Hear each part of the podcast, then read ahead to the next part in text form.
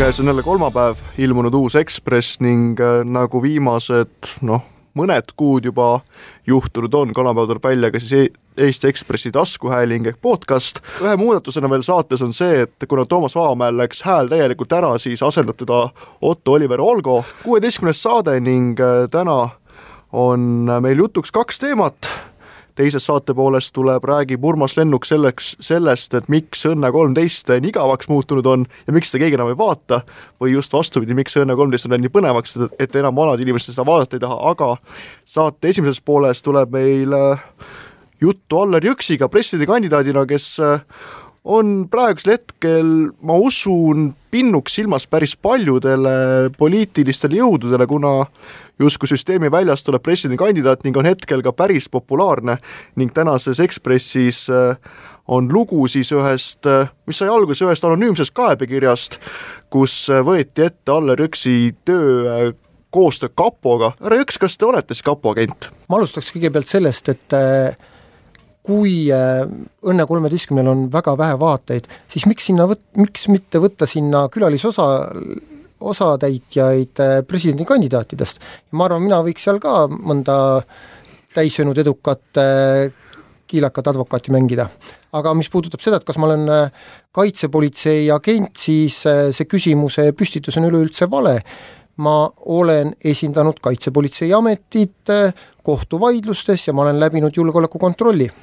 no nagu selles kirjas on, tsiteerin, on ka loos kirjas, et Äh, politseiagent, advokaat kõlab sama õõvastavalt, kui kõlaks agent preester pihiruumis või agent president, ehk äh, kas te olite üldse selliseks äh, rünnakuks valmis, ma usun, kui te hakkasite presidendiks kandideerima, te teadsite või panite paberile kirja vähemalt, et mille vastu teil tuleb ilmselt ennast kaitsta, kas, kas oli oodatav, et selline asi näiteks ette võetakse? nagu ma siin artiklis ka vastan, siis Andrus Ansip süüdistas mind selles, et ma esindan riigi vastu ja nüüd süüdistatakse mind selles, et ma esindan riiki, nii et advokaadina on mul küsimus, et mida ma siis üldse võiksin teha või keda ma võiksin esindada, aga loomulikult ma olin selleks, selleks valmis, et erinevaid süüdistusi hakkab minu suunas tulema ja ma arvan, et see ei ole viimane, viimane anonüümkiri.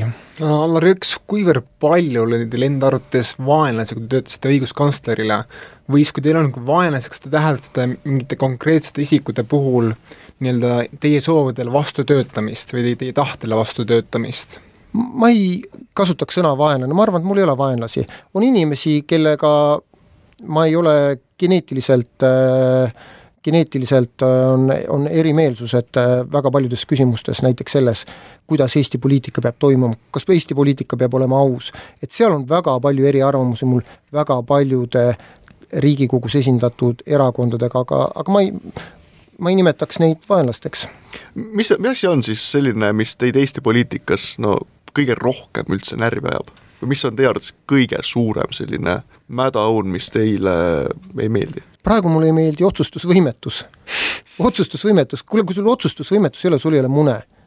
noh, milles, millest me presidendikandidaadi valiku puhul või mille puhul see vist käib ühe kindla erakonna kohta või? Presidendivalimised äh, ja, ja ühe erakonna otsustusvõimetus on tegelikult Eesti huve vaadates on nagu üks äh, noh, üks kolmanda järgu või viienda järgu küsimus, äh, pigem otsustusvõimetus lahendada Eesti ees seisvaid küsimusi, mis mis me praegu näeme Brexiti järgselt, on ju see, et äh, arutletakse selle üle, et kas Eesti saab või ei saa hakkama eesistumisega, kuidas läbirääkimisi pidada, selle asemel, et arutada seda, et milline on see Euroopa Liit, kuhu me tahame kuuluda viiekümne aasta pärast. kas te olete Eestis kuulnud peavoolumeedias selliseid küsimusi?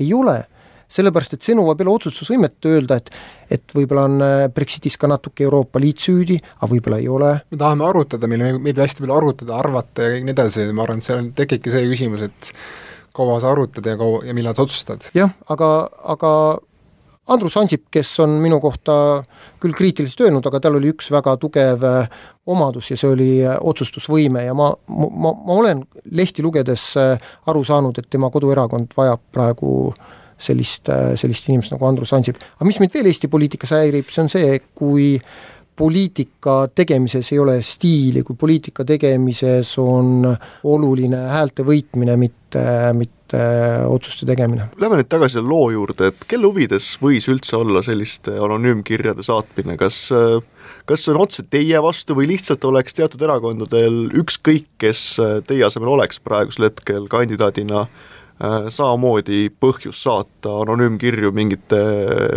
mingite süüdistustega? ma alustan sellest, et äh, mind on kasvatatud ja ma olen võtnud endale ma, minu arusaamine on see, et äh, see, kes kirjutab anonüümkirja, see on väiklane ja see on nõrk enesekindlust, enesekindluseta inimene. kirjuta, ütle oma nime alla, et näed, Jõks tegi sellist asja. siis me räägime nagu mees mehega. praegu tuletab see kiri mulle meelde nõukogude aega, kui partei komiteesse või Rahvakontrolli saabus anonüümkiri. ja ma arvan, et, et, et sellel inimesel on nagu põhjust või nendel inimestel, kes seda kirja produtseerisid, on põhjust nagu peeglisse vaadata. aga kelle huvides see on, aus, aus vastus on see, et mind see ei huvita. sest see on nii mõttetu süüdistus. süüdistada selles inimest, et, et ta esindab Eesti riiki, süüdistada teda selles, millises riigis me elame. õigusriigis tahaks öelda, aga Eesti, Eesti Vabariigis.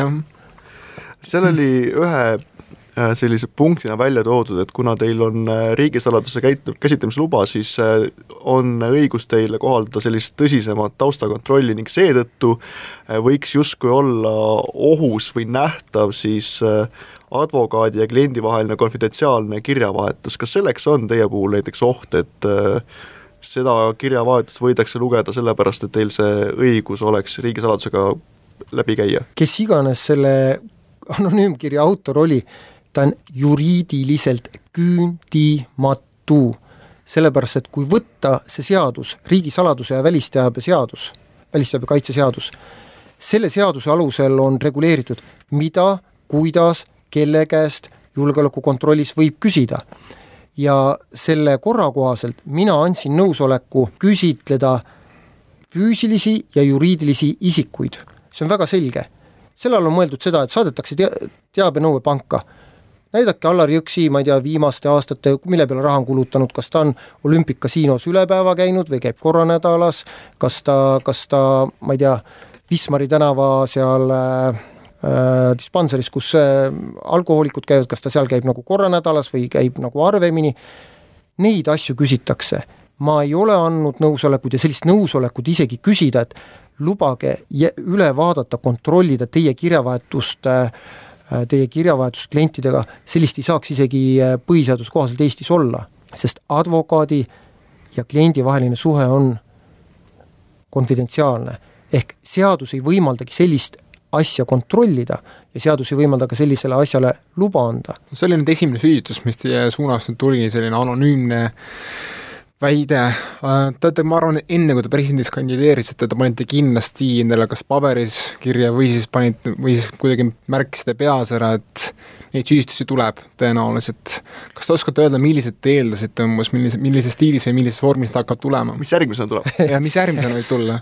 ma arvan, järgmisena tuleb see, et ma olen äh, homo ja kui see ei lenda, siis tuleb välja see, et ma olen playboy, kui see ka ei lenda, siis öeldakse, et äh, et et ma olen psühh, noh, ma ei tea, mis iganes, aga, aga kui tõsiselt rääkida, siis ma arvan, et äh, eks sealt äh, advokaadi, advokaadi portfellist otsitakse, üritatakse midagi otsida, aga aga, aga see noh, ütleks nii, et palju jõudu, ma arvan, et paljudel inimestel on äh, suvi garanteeritud ja ajakirjanikud saavad ka, ma, ma ei tea, kas äh,, kui palju Eesti Ekspress veel kavatseb anonüümkirjadele reageerida, aga, aga ma arvan, et see, et te selle kirja ära avaldasite äh,, selle kirja, see on nagu väga lahe, sellepärast et see on mulle reklaam. hakkasin mõtlema, mis teie puhul siiamaani on portfellist välja võetud, on siis see Eesti gaasi esindamine, mis siis otsapidi on Gazpromi omanduses, et seal on väga paha, siis olevate liiga jõuliselt äh, kaitsnud pro-kapitali huve seal äh, mere ääres.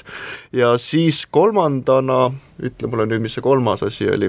Ah,, Apteekrite Liidu ja siis äh, antud teemale ühest leerist teise liikumine, kas äh, kas äh, ma usun, et neid te eeldasite ka juba enne seda kampaaniat, enne tulevad? Äh, mul on nimekiri asjadest äh, nii-öelda nendest küsimustest, mis hakatakse esindama ja, ja praegu ei ole ühtegi sellist küsimust tulnud, mis oleks äh, väljaspool, väljaspool seda nimekirja. see on kriitika meie vastu, jah noh, ütleme nii, et küll, küll aega, aega, aega veel on, aga kindlasti tuleb veel kõne alla see, et Allar Jõks on viinaninade eestkõneleja, kuna ta on esindanud alkoholitootjaid, täpsemalt õlletootjaid ähm, siis äh, alkoholiseaduse muudatuse vastu, nii et sealt on võimalik tulla. mõned päevad tagasi esitasin kaebuse, esitasin kaebuse mm, süstlavahetuspunkti teemal kogukonna huvides ja ma arvan, et küll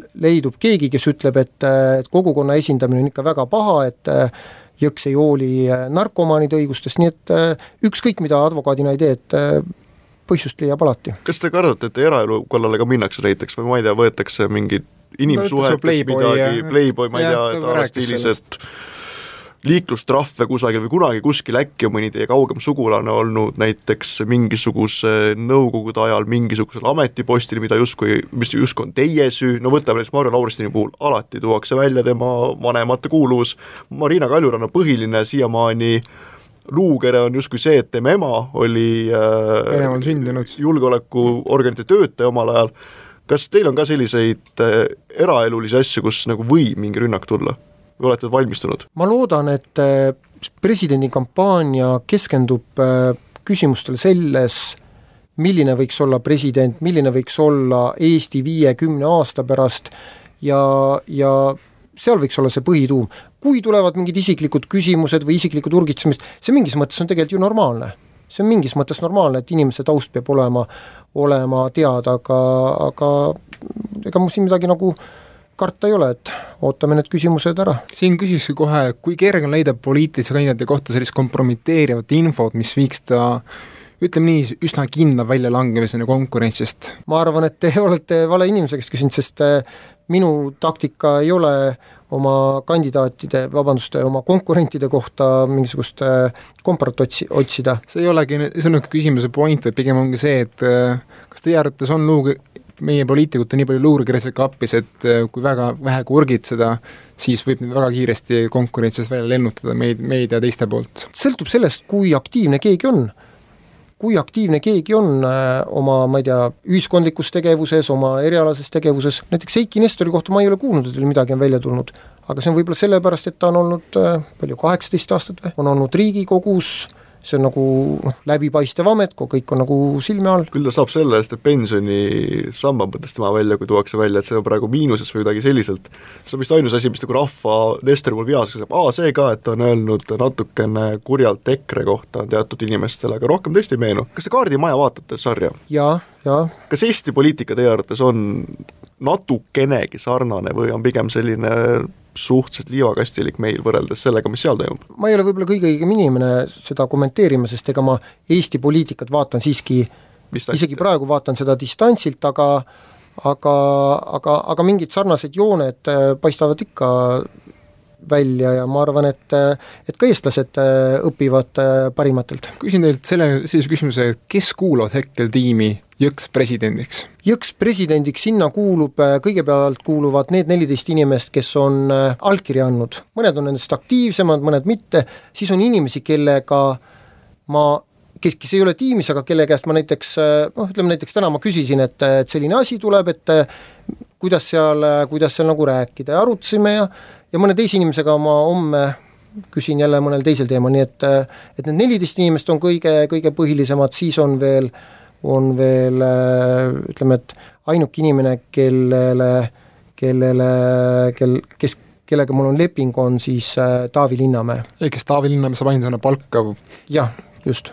või ütleme noh, tema firma saab. Äh, kui kalliks teie kampaania üldse siis läheb, kui küsida tohib? väga raske öelda, väga raske öelda, ma ei oska praegu öelda, sellepärast et äh, praegu on ju juuli algus ja, ja veel noh, mingi poolteist kuud on vähemalt minna. praegu mingid kulutused on seotud sellega, et äh, tuli koduleht, tuli äh, uus äh, Facebook ja ma, ma ei oska praegu öelda, võib-olla kui te kuu aja pärast küsite, siis ma ütlen teile täpsemalt. kas te postitate, postitate ise Facebooki postitusi või?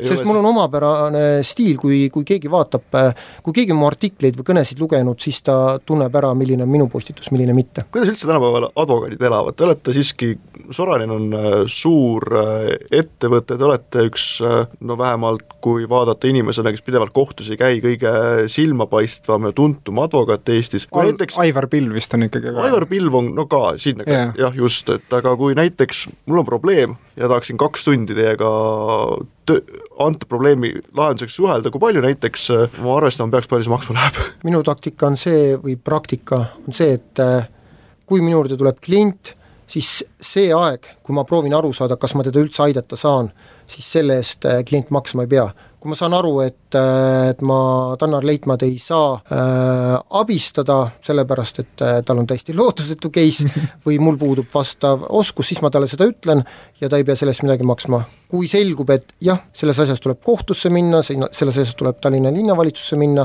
siis me lepime selle, selle summa kokku. aga üldiselt läheb paremini praegusel hetkel advokaadi, noh, räägitakse ju seda, et äh, seadus on muutunud nii keeruliselt arusaadavaks, et pidevalt on vaja sul äh, juriidilist abi, advokaate, kas see tähendab ka seda, et advokaadibüroodel üldiselt äh, läheb majanduslikus mõttes elu paremini? ma ei ole viimaseid majandustulemusi vaadanud, sest kolmekümne esimeseks juuniks pidi kõik Äh, advokaadibürood esitama oma eelmise aasta majandusaruanded ja ma soovitaksin sealt vastust otsida.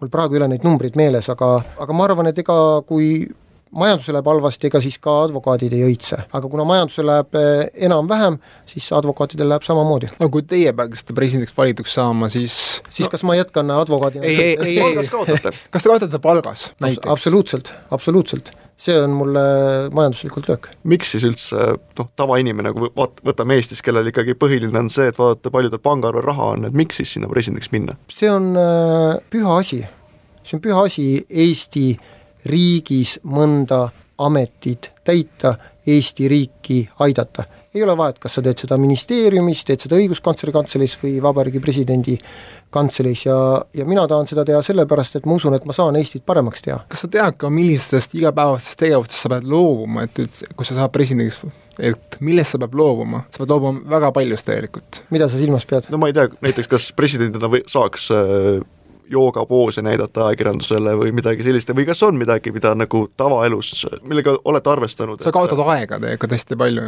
vaidlust ei ole ju selles, et äh, presidendi äh, töö on äh, teistsugune kui advokaadi töö, see seab oluliselt palju piiranguid, aga aga väga palju on küsimus ka selles, et kuidas me sõnastame presidendi rolli. presidendi roll võib olla selline, et ta käib äh, linte läbi lõikamas, kõnesid pidamas, presidendi roll võib olla ka selline, et ta läheb Haapsalu joogafestivalile, lossi, lossihoovis paneb mati maha, läheb, äh, läheb äh, Haraka asendisse, sealt läheb pea peal tõusu, seisab seal pool tundi, annab intervjuusid samal ajal, see on ka võimalus, kuidas president ennast äh, defineerib. siiamaani vist presidendi proua käinud seal joogafestivalil, kui ma õigesti, õigesti mäletan, Evelin Ilves on pidevalt seal käinud. jaa, minu, minu elukaaslane kindlasti tuleks kaasa? ei tuleks, jooga, joogalaagrisse ta ei tuleks. mis saab siis teie klientidest näiteks, ütleme, kui teil on praegu kohtuistung pooleli, pikem selline kellegi esindamine ning siis te saate presidendiks, kas see tähendab teie klientidele kohe on vaja uus Allar Jõks kusagilt otsida või kuidas see korraldatud, korraldatud saaks? või kas teil on üldse selliseid asju praegu pooleli? tegelikult oleks ju väga lahe, kui ma presidendina käiksin veel Tallinna halduskohtus seal mingisugust see oleks päris naljakas. jah, aga, aga kui tõsiselt rääkida, siis äh, advokaadibüroos Sorainen ei ole ainult äh, üks advokaat, seal on mitukümmend advokaati, seal on väga tugevad advokaadid, sealhulgas ka kohtutiimis, seal on teine partner, Gary Ginter, nii et ükski klient, kellel asi jääb pooleli, ei jää ei kaitseta. me alustasime kompraga ja ma arvan, et on ka paslik lõpetada kompraga kas te ise omate kellegi kohta kompromiteerivat infot? ja millal selle meile saadate see on, ma arvan, nii olekski nagu hea, hea lõpetada, et et teie küsimus ja minu naer suur aitäh, Allar, et aega leidsid, teises saate pooles tuleb Urmas Lennuk, räägib Õnne kolmeteistkümnest ja läheme siis edasi, kui väike kõll kuulatud. tänase saate teises osas räägime ühest telesarjast, mis on võib öelda juba aastakümneid olnud äh, Eesti telemaastiku tüvisari.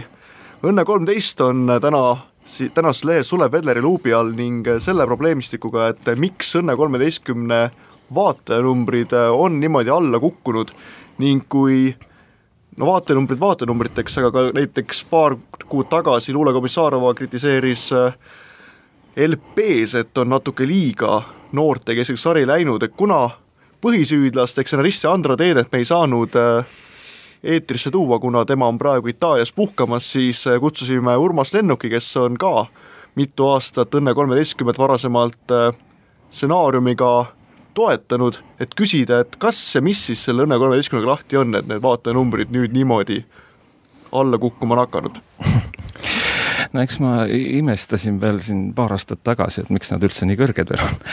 sest tegelikult on see telesarjade turg ju võrreldes selle ajaga, kui Õnne alustas, läinud ikkagi nii mitmekesiseks ja ja kõiki neid teemasid ja kõiki neid äh, sihtgruppe kaetakse ikkagi nagu väga-väga-väga mitmekordselt, et selles suhtes nagu minu jaoks on jah, pigem küsimus, et miks, miks, miks nad varem alla ei läinud. mul oleks küsimus teile mõlemale, millal te üldse viimati Õnne kolmeteist vaatasite nagu tahtlikult, nii et, nii et päriselt tahtsite vaadata?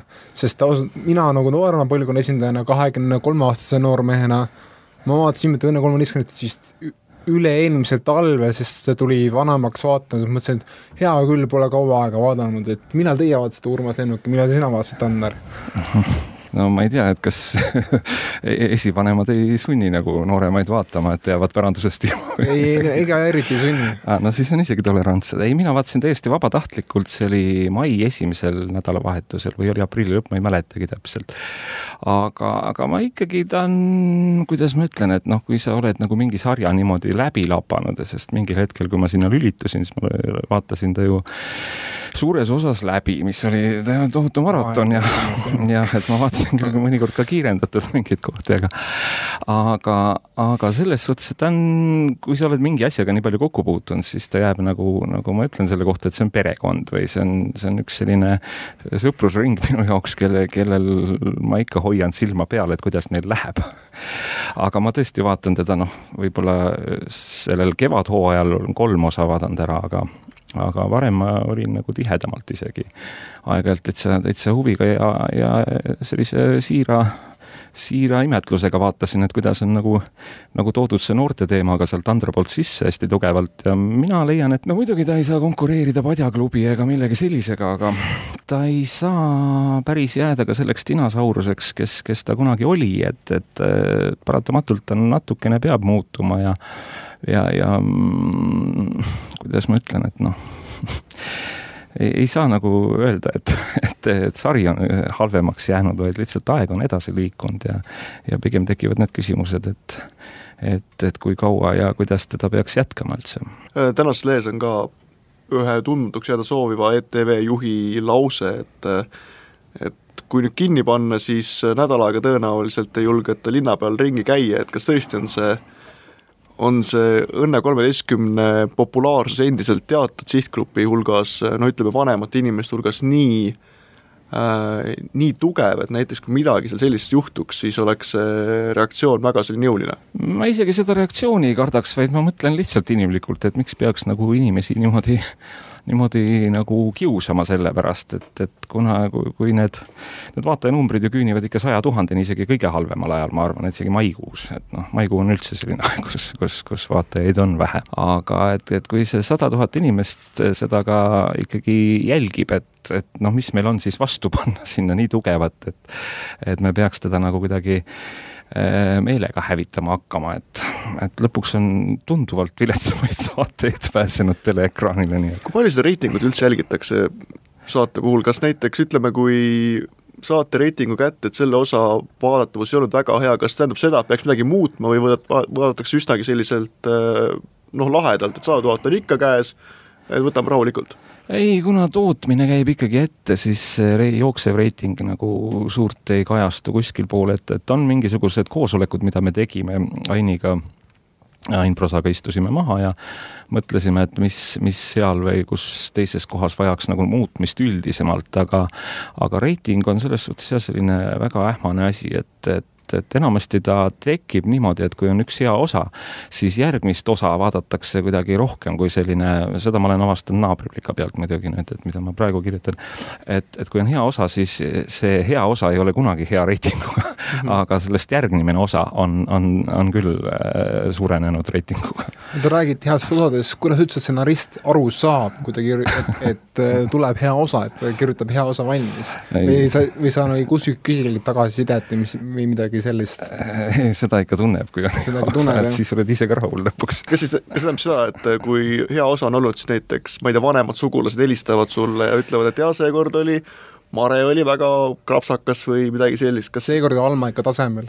ei, ta niimoodi päris ei ole, et ta ikkagi nagu ise tead, et, et vot siin on nagu sündmus olemas ja, ja ta nagu kulgeb vaimukamalt ja teravamalt ja, ja, ja režissöör nagu ei, ei anna tagasisidet, et teeks midagi ümber et see on selline nagu noh, ise ka tunned seda kirjutades, et noh, nüüd tuli hea mõte, et aga, aga iga ütleme aasta, aastas ei tule nii palju häid mõtteid kunagi, et et teda permanentselt hästi kirjutada, sellepärast ongi mujal maailmas ju ju terve seltskond, kes arendab süžeed ja mõtteid ja, ja lugu ennast, et, et noh, meil on ta lihtsalt nii kogu see seriaalindus ju nii hanejalgadel, et kas midagi sellist ka teile meenub selle mitu aega te tegite, kaks aastat tegite või kolm tegite no,? põhimõtteliselt kaks jah, et noh, üks oli lihtsalt nipet-näpet sealt. kas seal sellist äh, no mingit sellist süžeekäiku ka oli, mis näiteks äh, auditooriumi seas väga suure tagasiside tõi, et ütleme näiteks on ju olnud juhtumeid, mis äh, välissarjade juures, kus ütleme, mingi tegelane kirjutatakse välja ning selle peale tuleb siis meeletu kirjade laviin, et nii ei tohiks teha ning äh, see on täiesti vale samm selles sarjas, kas Õnne kolmeteistkümnes on midagi sellist juhtunud? no loomulikult oli, meil oli ühe hooaja algus oli ju tegelase Mare auto alla jätmine, mis põhjustas ju tohutu, tohutu sellise äh, suurema kõmu kui osa ise. et selles suhtes oli ta nagu äh, kui me seda kunagi arutasime Ainiga, et kas me teeks sellise lõpu esimesele osale või siis, siis nagu tundus, et äkki noh, saab natuke tähelepanu või midagi, aga, aga nagu me ei osanud nagu uneski oodata, et ta, ta tekitab sellise nii suure furoori, et, et ka teistelt tegelastelt hakatakse näitlejatelt, kes mängivad teisi tegelasi, hakatakse bensiinijaamas ja igal pool küsima, et mis te nüüd Marega teete, et kas ta, kas ta saabki surma. et, et selles suhtes noh, ta, ma ütlen, sellised sellised, sellised reklaamid on nagu ette prognoosimatud, et, et me mõtlesime, et võib-olla natukene ta ergutab seda, seda põhivaatajat kaasa mõtlema, aga aga me ei osanud küll oodata, et sealt tekib selline furoor.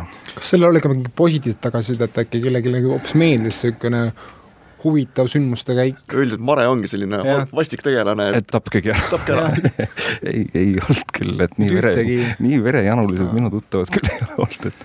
ma just mõtlesin, et teie ees parim hommikusöök on teine eestlane, aga tuleb välja, et Õnne kolmeteistkümne puhul see vist nii ei kehti. ma arvan, et eks eestlane tahab ka natuke varjatult õel olla, et ega talle ei meeldi mitte anonüümselt ju kommentaariumis ka tõdesid paisata, vaid ta teeb seda ikkagi hea meelega rohkem anonüümses kommentaariumis. tujurikkuja võttis Õnne kolmeteistkümne kunagi kuidagi no ütleme, päris vaimukalt ette, ehk siis äh, segati seda teetassi seal pikalt ja arutati mitte milleski praktiliselt mingi pikka aega.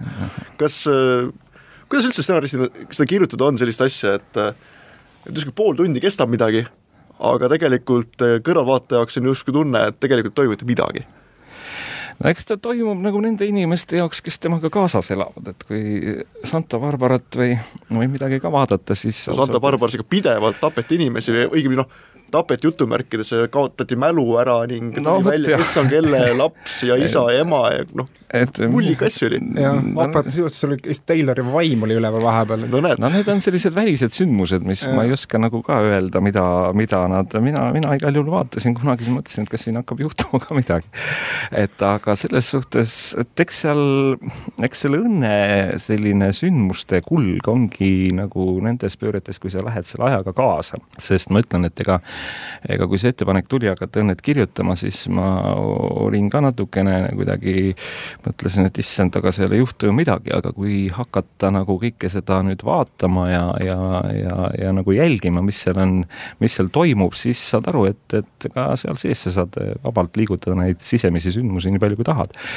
et kindlasti nagu see tootmisprotsess ise ei võimaldagi väga palju sellist välissündmust seal tekitada ja ta ei saa päris utoopiaks minna nagu, nagu Santa Barbara, et, et noh, kus sa tegelikult, ma ütlen, et minu jaoks nagu kolm-neli osa vaatad ära ja sul on nagu lõpuni see selge, mis seal juhtub edasi.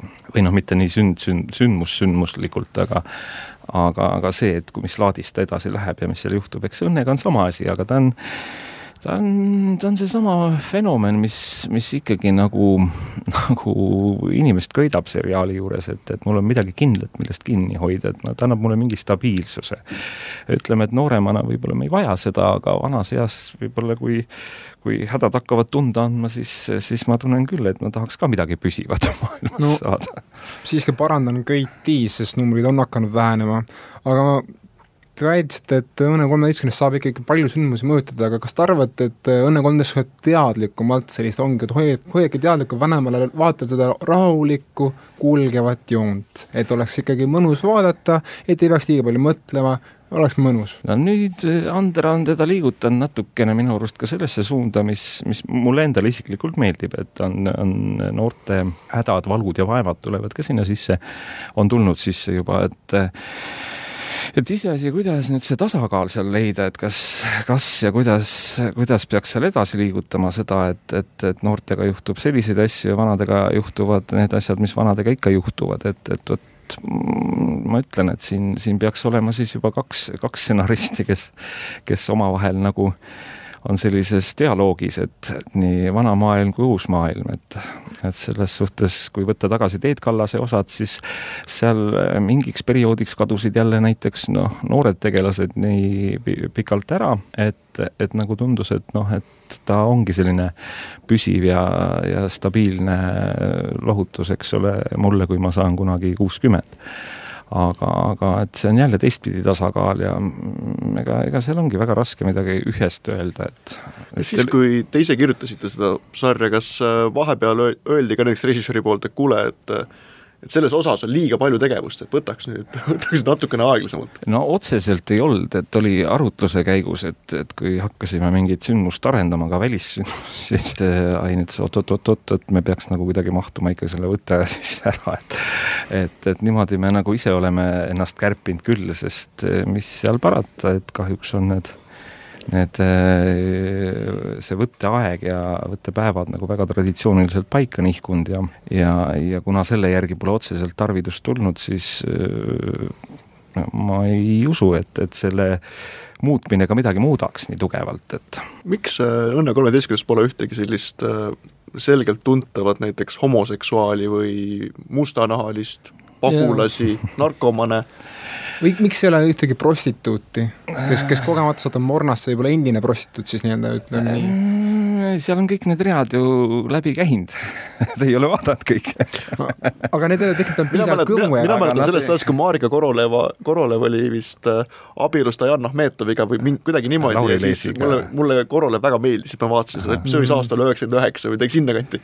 aga ma mõtlen, et no isegi kui oleks, siis vähemalt see tekitanud niisugust kõmu võib-olla, mis nagu oleks jõudnud suurem mm., suuremasse meediasse ehk, ehk. vaat siin on üldse see Eesti selline ettevaatlikkuse nagu kuvand natuke tuleb mängu, et et kindlasti ma ei, ütlen küll, et õnne ei ole see koht, kus hakata nagu revolutsiooniliselt muutma inimeste eelarvamusi või, või üldse hakata nagu andma uusi ideaale inimestele, et, et seda, seda ma üldse revolutsiooni eriti ei usu, aga et seda saab teha niimoodi vaikselt ja harjutades, et et kui inimesele öelda, et nüüd sa saad kõigi nende imelike inimestega sõbraks ja annad neile käe, keda sa kõike praegu vihkad, et siis ausalt öeldes ma arvan, et see tekitab ainult ühe teatava tõrke.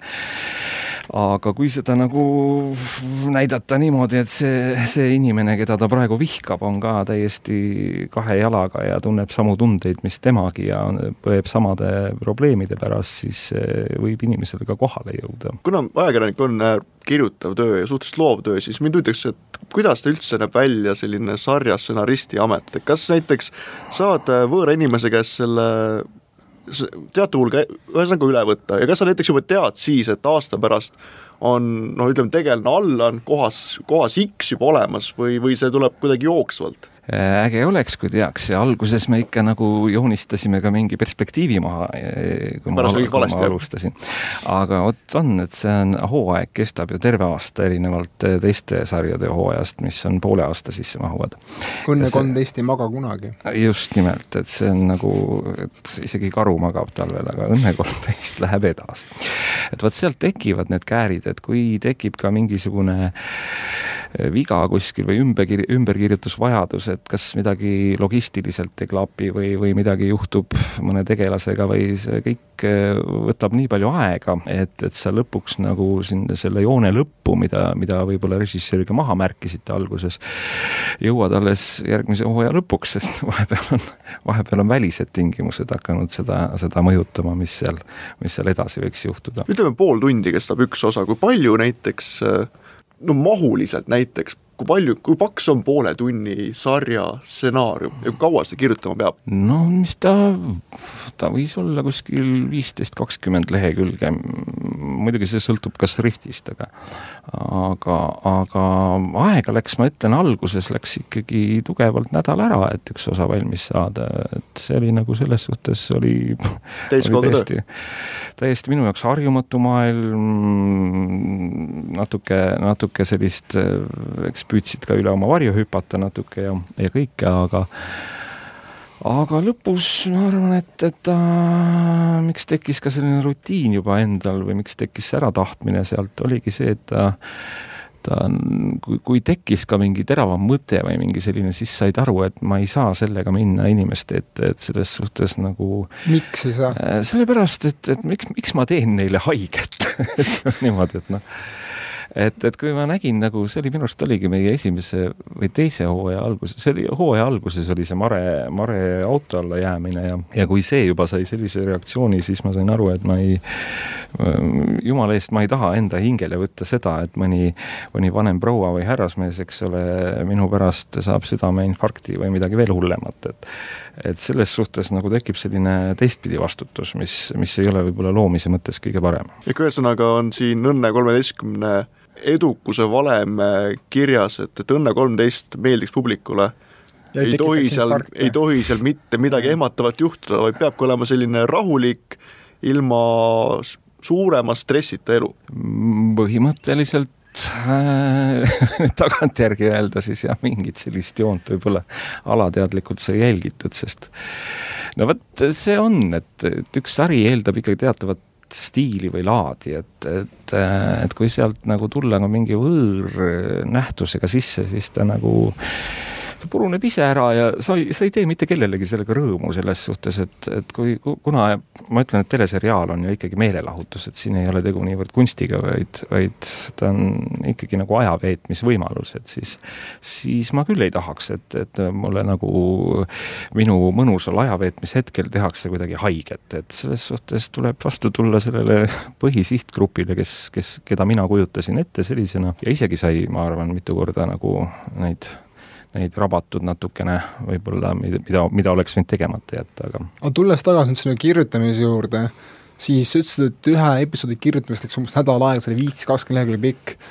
kas sa mäletad umbes, kui kaua oleks sul aega, et teha see nagu seriaal, ma ei tahaks öelda, et enda omaks, aga nii, et saada nagu oma selline tunnetus sinna, sinna seriaali sekka võib-olla? et tunda enda, enda seda jälge selle, selle seriaalil kaua läks sul aega? ega, ega ma ei püüdnudki väga enda jälge nüüd tekitada, kuigi ta paratamatult tekib, et ükskõik kui hästi püüad ka järgida kas Teet Kallase või, või siis, eks ole, sarja looja äh, nagu mõttekäiku või, või sellist nagu laadi isegi, ma ütleks, et siis see ei ole noh, mingites osades võib seda tabada, aga, aga ta ikkagi muutub sinu nägu.